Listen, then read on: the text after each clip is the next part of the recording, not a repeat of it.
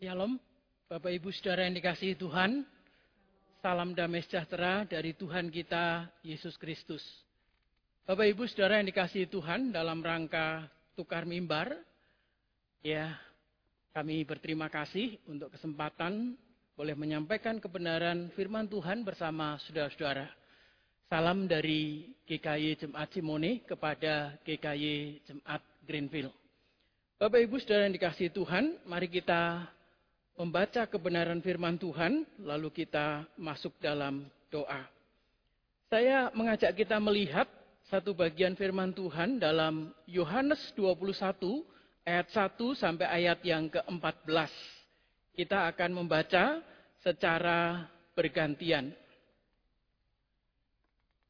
Yohanes pasal 21 ayat 1 sampai ayat yang ke-14 demikianlah firman Tuhan. Kemudian Yesus menampakkan diri lagi kepada murid-muridnya di pantai Danau Tiberias, dan ia menampakkan diri sebagai berikut.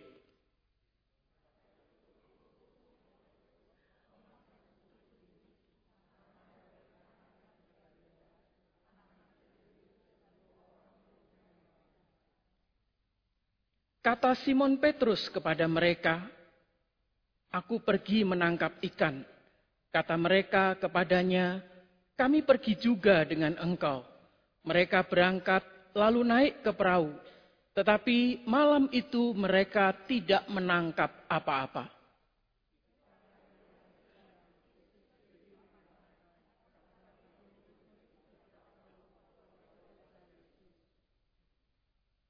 Kata Yesus kepada mereka, "Hai anak-anak, adakah kamu mempunyai lauk pauk?" Jawab mereka, tidak ada.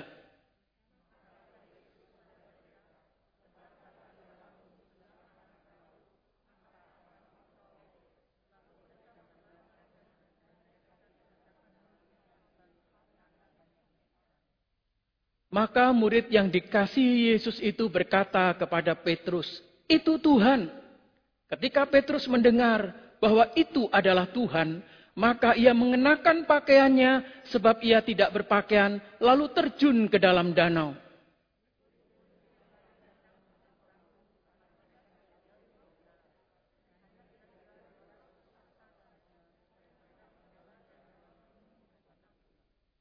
Ketika mereka tiba di darat, mereka melihat api arang dan di atasnya ikan dan roti.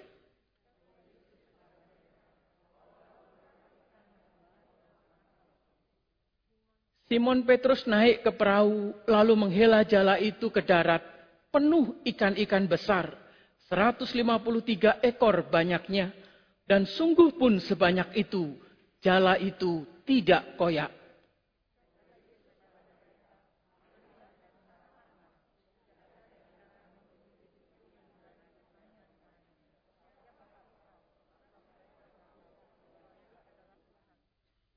Yesus maju ke depan, mengambil roti dan memberikannya kepada mereka. Demikian juga ikan itu.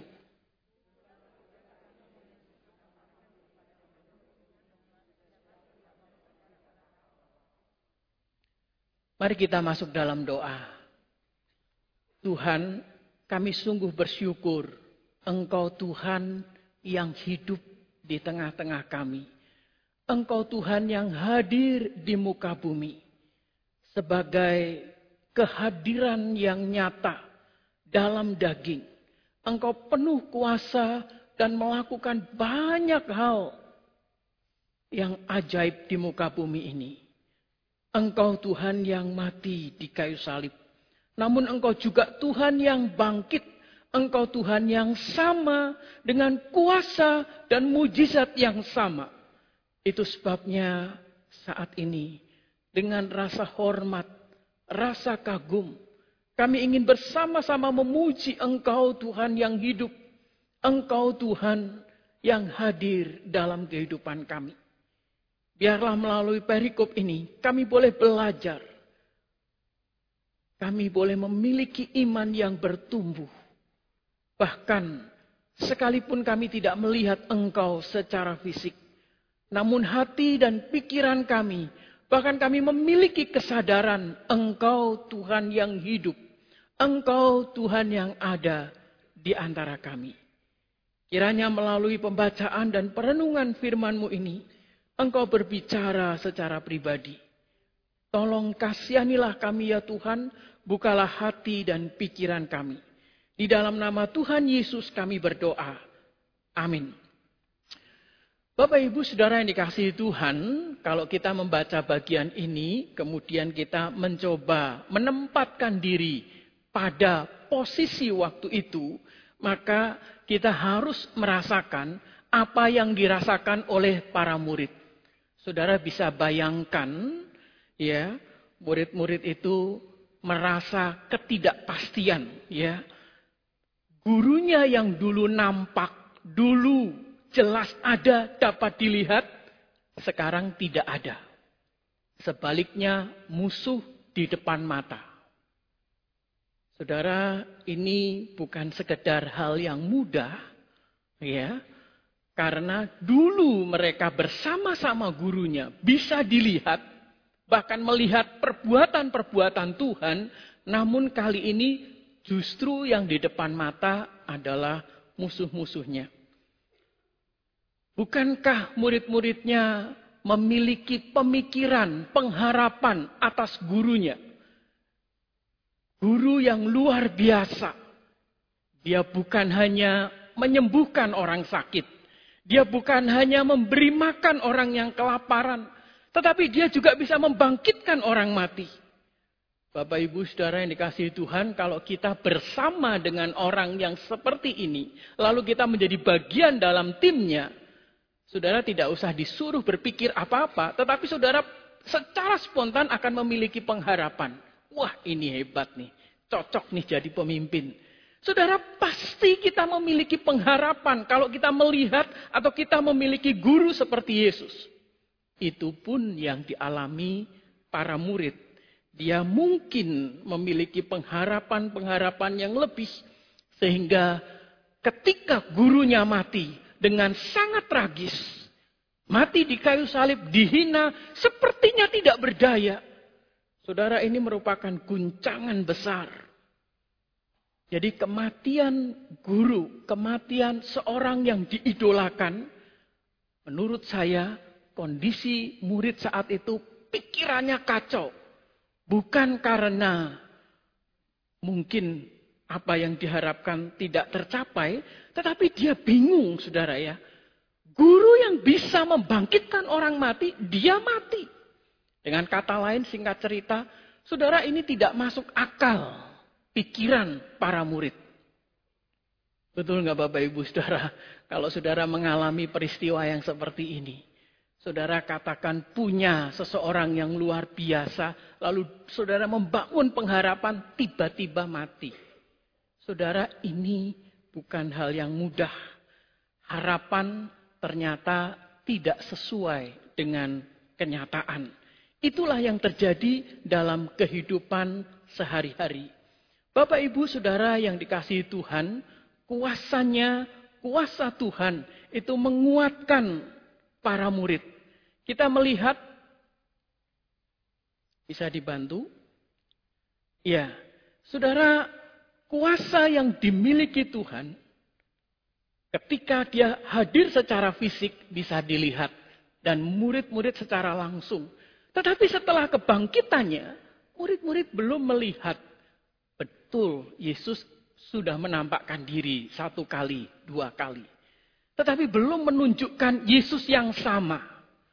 Ditambah lagi dalam hati murid-murid masih penuh ketidakpastian. Saudara-saudara, ini hal yang harus kita cerna dan menempatkan diri bagaimana keadaan murid waktu itu. Di Danau Tiberias, danau yang sering kali juga disebut Genasaret atau Galilea. Sebagaimana dicatat dalam Lukas pasal 5. Para murid menyaksikan apa yang dilakukan gurunya. Tiga setengah tahun menjadi murid. Ternyata banyak pengalaman yang berharga, yang menarik, tetapi itu semua belum cukup membawa murid-muridnya mengenal Tuhan. Bapak Ibu Saudara yang dikasihi Tuhan, peristiwa kematian Yesus ini justru menjadi batu uji bagi para murid. Saudara-saudara yang dikasihi Tuhan, setelah kematian dan kebangkitan Yesus, para murid mungkin dalam keadaan yang bimbang dan murid masih dalam keadaan yang tidak pasti. Yesus ada, tapi tidak ada. Ya saudara, ini hal yang susah saudara ya. Yesus mati, tapi kok pernah dilihat kebangkitannya. Saudara ini saya yakin kondisi yang tidak mudah. Antara mau percaya dia ada atau dia tidak ada. Dia mati, dia bangkit. Atau paling gampang begini Bapak Ibu Saudara. Kalau hari ini saya berkata kepada saudara, Yesus itu ada di tengah-tengah kita. Gimana perasaan saudara? Bisa memahami dengan mudah? Misal saya ngomong misalnya Pak Paulus, ya, itu Tuhan Yesus ada di sampingmu. Gimana logikanya? Ini antara, ya secara iman saya percaya Yesus ada di mana-mana, tapi nggak kelihatan. Apalagi ketika saudara dalam kondisi ujian yang berat atau mungkin dalam kondisi sakit, saudara dikatakan Yesus akan menyembuhkanmu. Aku udah berbaring bertahun-tahun dan saya nggak sembuh. Saya berdoa bertahun-tahun, saya nggak sembuh. Yesus yang katanya ada, tapi tidak bisa dilihat dengan mata. Saudara, saya rasa ini bukan hal yang mudah, saudara. Keadaan para murid, kehidupan keseharian harus terus berjalan. Sehari-hari dia harus bergumul dengan keseharian mereka, dengan keluarga, mencari makan, dan mungkin ada masalah-masalah, ketakutan-ketakutan yang muncul. Bapak Ibu Saudara, ini bukan hal yang mudah, Saudara ya. Ini masa-masa yang sulit, masa-masa penantian. Dalam kondisi seperti ini, keputusan yang sulit, murid-murid kembali bekerja. Memang ada beberapa penafsiran yang mengatakan, oh murid-murid patah semangat ini, jadi dia kembali bekerja. Saudara, saya pikir uh, saya kurang setuju dengan penafsiran ini. Ya, karena ini masa penantian, ya. Murid masih belum mendapat konfirmasi sebagaimana yang dicatat dalam Kisah para Rasul 1 ayat yang ke-8. Roh Kudus belum dicurahkan. Namun kita bisa belajar pada bagian ini. Mungkin kalau Bapak Ibu Saudara dalam masa-masa penantian. Saudara kerjakanlah hal-hal yang rutin yang seharusnya menjadi tugas tanggung jawab kita. Kalau kita mesti harus bekerja, bekerjalah dengan baik. Jangan kemudian patah semangat. Saya rasa para murid ketika Petrus berkata, aku mau menjala ikan. Aku mau kembali ke laut. Saya rasa ini bentuk tanggung jawab. Dia punya tanggung jawab untuk hidup ini harus berjalan terus. Saudara, namun apa yang terjadi? Ketika Petrus dengan keenam murid yang lain malam itu menjala ikan. Saudara ini peristiwa yang tragis yang pernah dia alami. Mereka tidak mendapat apa-apa. Saudara, peristiwa kebangkitan Tuhan Yesus yang dia sudah lihat, tetapi dia mengalami kehidupan yang sama. Saudara bisa bayangkan, ya, sekarang kalau dulu pernah ada mujizat, saya tidak saya bekerja tidak mendapat apa-apa, Tuhan hadir. Memang Tuhan ada secara fisik. Kali ini dia bangkit sih. Sekarang saya mengalami kesulitan. Saudara-saudara, kondisi ini kondisi yang tidak mudah. Tetapi justru pada saat-saat yang susah seperti ini, Yesus hadir dengan kuasa yang sama. Bapak, Ibu, Saudara yang dikasihi Tuhan, Yesus bukan sekedar bangkit dan kembali ke surga. Yesus bangkit dengan kuasa yang sama. Yesus juga dapat melakukan mujizat yang sama. Dia bisa, dalam tanda kutip, orang yang gagal diberikan keberhasilan. Ikan yang lari ke mana-mana bisa berkumpul pada pagi itu atau menjelang siang. Bahkan Yesus yang sudah bangkit juga tahu kesulitan yang dialami para murid. Dia mengerti pergumulan para murid. Bahkan dia menyapa. dengan lembut. Saudara-saudara yang dikasih Tuhan, ayat 5 membuktikan Yesus tahu apa yang menjadi pergumulan murid. Ayat 6, Yesus berkata, tebarkanlah jalamu. Saudara ini saya rasa bukan sekedar satu peristiwa biasa, tetapi ini peristiwa yang sulit dihadapi para murid, namun justru dia diingatkan kembali bahwa peristiwa yang dulu pernah terjadi.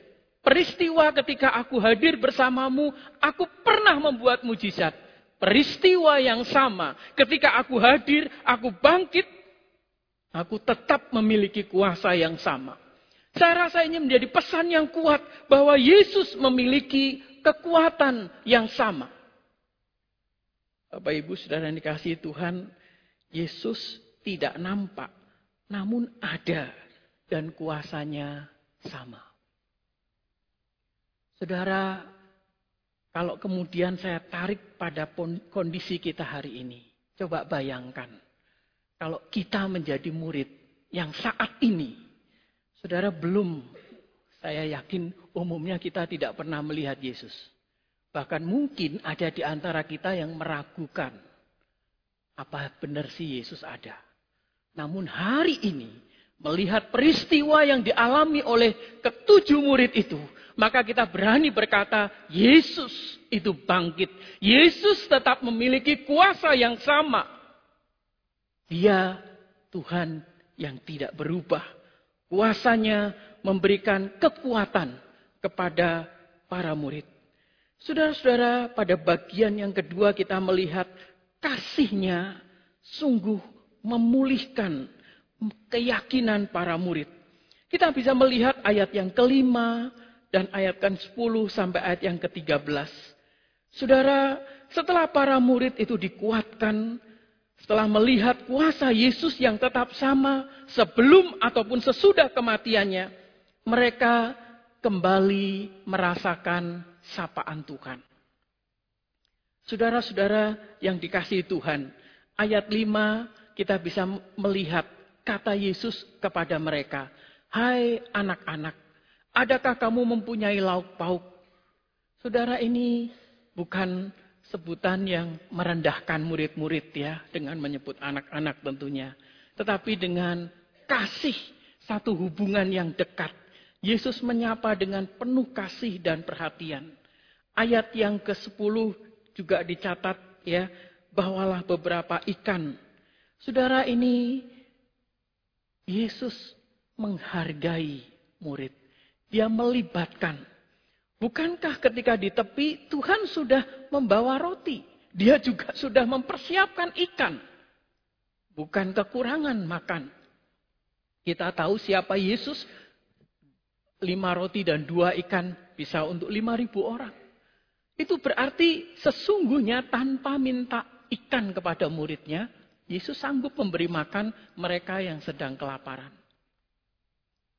Yesus menghargai murid-murid. Ayat yang ke-12 kata Yesus kepada mereka, Mari sarapanlah. Saudara, Yesus peduli bukan hanya apa yang terjadi dalam pikiran, dalam hati kita. Yesus juga tahu kebutuhan fisik kita. Saudara-saudara yang dikasihi Tuhan, bahkan kalau kita memperhatikan ayat yang ke-11, saudara kalau kita gali lebih dalam, kalau kita bandingkan dengan Lukas pasal yang kelima, ketika para murid menangkap ikan, di sana jalannya mulai koyak. Tetapi kali ini dengan 153 ekor ikan, kira-kira berapa kilo Bapak Ibu ya? Dan di sini dicatat ikan besar. Ini berandai-andai seandainya ikan itu hampir satu kilo, saudara ya. Paling enggak 100 kilo. Dan kalau jalannya itu jelas dikatakan jala itu tidak koyak. Apa maksudnya? Di tengah-tengah peristiwa yang mungkin mereka belum memiliki keyakinan yang pasti. Yesus menunjukkan kuasanya. Yesus menunjukkan kasihnya. Yesus juga menyatakan mujizat. Itu sebabnya Yesus dengan penuh kasih memulihkan keyakinan para murid. Bapak Ibu, saudara yang dikasihi Tuhan, Yesus hidup, Yesus bangkit, Yesus kita kembali, sorry ya. Yesus hidup, Yesus ada di tengah-tengah para murid. Jelas dia menyatakan kehadirannya, Bapak Ibu Saudara yang dikasihi Tuhan.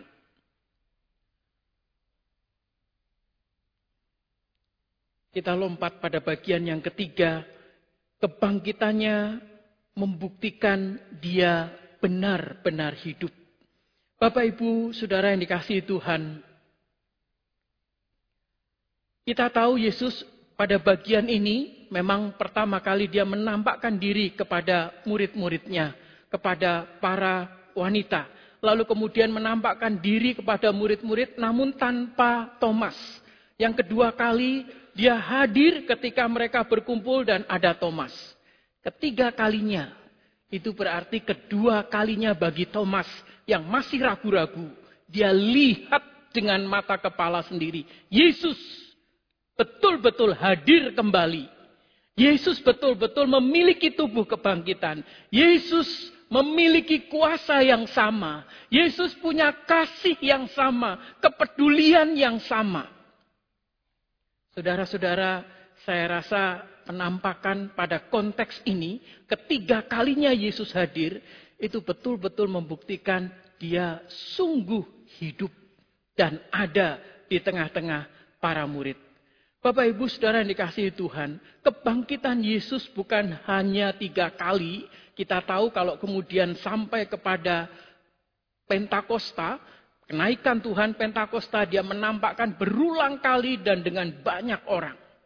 Tetapi kali ini dia menampakkan diri kepada tujuh muridnya. Lalu ada catatan-catatan yang menarik saudara ya. Tuhan bukan hanya eksklusif untuk membuktikan keberadaannya di tengah muridnya. Tidak. Tetapi juga Tuhan membuktikan keberadaannya dengan aturan-aturan yang ada. Kalau dia hadir bukan hanya satu kali, dua kali. Bukti yang sah adalah tiga orang, empat orang. Dan dalam catatan hukum Romawi diperlukan minimal tiga, tiga saksi untuk membuat wasiat. Dan kita tahu penampakan Tuhan yang ketiga, tujuh orang murid. Itu berarti kebangkitannya sah di mata hukum di mana saja di muka bumi ini. Kebangkitannya adalah kebangkitan kebangkitan yang pasti itu berarti Bapak Ibu Saudara tidak ada hukum yang bisa mengatakan Yesus mati dan tinggal dalam kubur. Dia bangkit. Dia hadir di tengah murid-muridnya. Bapak Ibu, Saudara yang dikasihi Tuhan, kehadiran Yesus yang ketiga kali di tempat yang sama ketika dia memanggil murid-muridnya yang pertama. Bapak Ibu, Saudara yang dikasihi Tuhan, dia memanggil ketika para murid dalam kegagalan. Kemudian dia menjadikan mereka penjala manusia. Saudara, bukan hanya di tempat yang sama. Dia juga dalam tanda kutip membuat mujizat yang sama. Saudara, ini bukan satu kebetulan. Tetapi Yesus ingin membuktikan ia benar-benar hidup. Dia ada bersama para murid. Dia mengingatkan pada panggilan yang mulai mula-mula dan yang utama untuk menjadi penjala manusia. Bapak Ibu Saudara dikasih Tuhan, ketika merenungkan bagian ini, saya merasakan bagaimana kuasa kebangkitan Kristus. Dulu, setelah kebangkitannya, dan hari ini dia tidak berubah. Yesus Tuhan yang kita sembah, Yesus Tuhan yang tidak berubah, yang tetap sama. Karena itu mari kita memikirkan, kita berefleksi. Kuasa Tuhan apa saja yang pernah saya alami, yang pernah saudara alami. Mungkin bukan hal yang harus spektakuler. Mungkin hal yang sederhana. Saudara-saudara, saya mengalami kehidupan bersama Tuhan. Saya merasa tidak pernah kekurangan dan pada waktunya Tuhan selalu menyediakan. Dan saudara, ketika dalam keseharian saudara ya, saya ini orang yang senang ya eh, dengan latar belakang saya seorang mekanik saudara ya, saya senang bongkar pasang sesuatu atau ketika ada uh, uh, hal sederhana saya mencoba membuatnya. Ketika saya lihat, ih ada kompor yang bisa dibuat dengan sekedar uh, bahan bakar, tidak harus dengan menggunakan LPG. Ketika ada bahan bakar dari air dihidrolis, dihidrolisa, saya juga buat itu supaya motor saya hemat. Saya lakukan itu semua karena itu hobi saya, saudara ya. Namun ada hal yang menarik, saudara ya. Kali ini ketika sekian tahun melayani Tuhan dan sekian tahun sudah merasa biasa hidup sebagai hamba Tuhan, saya coba membuat kompor dari bahan bakar gas dengan tekanan, saudara ya. Saudara, yang saya mulai saya mau buat, saya punya keyakinan gini, dia Tuhan menyediakan. Ya, saya yakin dia menyediakan. Saudara, bahan-bahan itu kalau saya langsung beli, gampang, saudara ya. Tapi saya yakin, saya punya perlengkapan pasti cukup. Ketika saya membuat bagian yang atas, ada bagian spare part yang kurang. Lalu saya tersenyum dan saya menyanyi. Engkau menyediakan. Saya cari-cari-cari, ada barangnya. Ketika kurang bagian ini, saya nyanyi Tuhan. Tuhan menyediakan. Saudara, ini hal yang sederhana yang saya merasa ketika hidup bersama Tuhan bukan hanya hal yang spektakuler, saudara. Tetapi ketika hal-hal kecil kita bersama Tuhan mengerjakan, Tuhan bisa memberikan, eh ternyata ada alat ini di sini. Bahkan ketika alat sudah tidak ada, saya berkata, saya percaya dan berkata kepada Tuhan, Engkau akan memberi ide apa? Mungkin ada penggantinya. Saudara, Sepanjang pagi sampai siang itu, saya bongkar-bongkar gudang perlengkapan saya sambil menyanyi dan tersenyum, saudara. Saya merasa bersama engkau, saya menikmati hobi ini. Saudara-saudara, mungkin kalau saya dengan ego dan kesombongan saya, eh, memang saya akan kreatif, saya memang punya perlengkapan, saya bisa lakukan ini. Oke, okay, saya tidak merasakan kehadiran Tuhan. Tetapi ketika ada kesulitan-kesulitan kecil, dan saya berkata, saya ingin melakukan pekerjaan ini bersama Engkau Tuhan. Saudara, pekerjaan itu menjadi pekerjaan yang sangat-sangat menyenangkan. Bahkan dalam hati saya bisa ngobrol bersama Tuhan. Dan saya ingin katakan, Yesus hadir dalam dirimu, dalam keseharianmu. Namun kalau saudara cuek, saudara merasa dia masih dalam kubur, ya sudah. Saudara, Yesus punya kuasa yang sama. Yesus memiliki kasih yang sama. Dulu, sekarang, dan selama-lamanya. Saudara yang dikasih Tuhan, bagian pertanyaan refleksi, refleksi kedua. Saudara kita bisa melihat apakah yang Tuhan inginkan dalam kehidupan kita. Bisa dibantu? Bisa ditayangkan? Saudara-saudara yang dikasihi Tuhan, sejauh mana saudara tetap percaya bahwa kasih Tuhan sanggup menolong, bahkan memulihkan di tengah-tengah engkau bergumul. Kalau hari ini engkau ragu tentang keberadaannya, saya pikir para murid juga pernah mengalami keraguan. Kalau hari ini saudara bergumul, murid-murid Tuhan juga waktu itu juga bergumul. Saudara-saudara yang dikasih Tuhan, dia ada. Dia ada di sisimu. Masihkah saudara percaya pada kebangkitan Kristus yang memberikan pengharapan dan memberikan hidup yang kekal. Hari ini, kalau kita lupa kepada Tuhan atau hidup dengan kesibukan kita, kadang kita mengabaikan kehidupan spiritual kita. Kadang kita berpikir, ya cerita Alkitab sudah kuno. Kebangkitan, ah itu cerita masa lalu. Realita hari ini. Besok ya sudah, mati ya mati.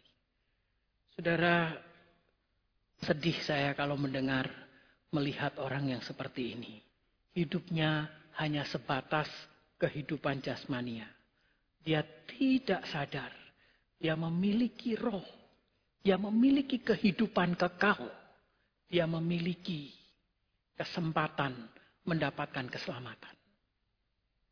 Sebagai penutup saudara, kalau hari ini saya tanya kepada saudara, menurut saudara, Yesus hidup, Yesus mati, Yesus ada di tengah-tengah saudara.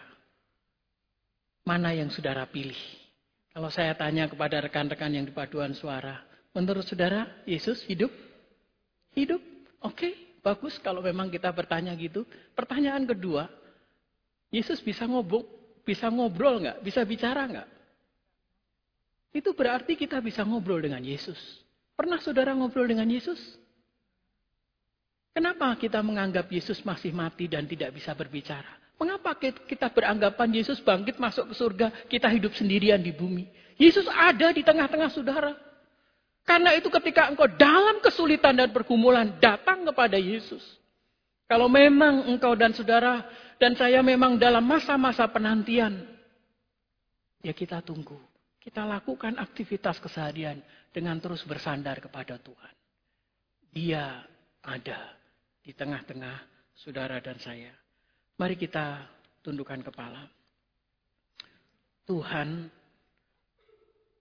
ampuni kami kalau kerap kali kami berjalan sendiri. Bahkan kami mengabaikan Engkau yang senantiasa mendampingi kami. Ampuni kami Tuhan yang mengabaikanmu dalam kehidupan kami.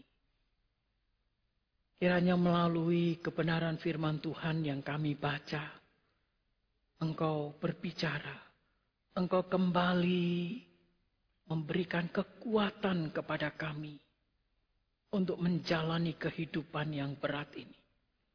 Tuhan terima kasih. Engkau Tuhan yang hidup. Engkau Tuhan yang hadir dalam kehidupan kami. Di dalam nama Tuhan Yesus kami berdoa. Amin.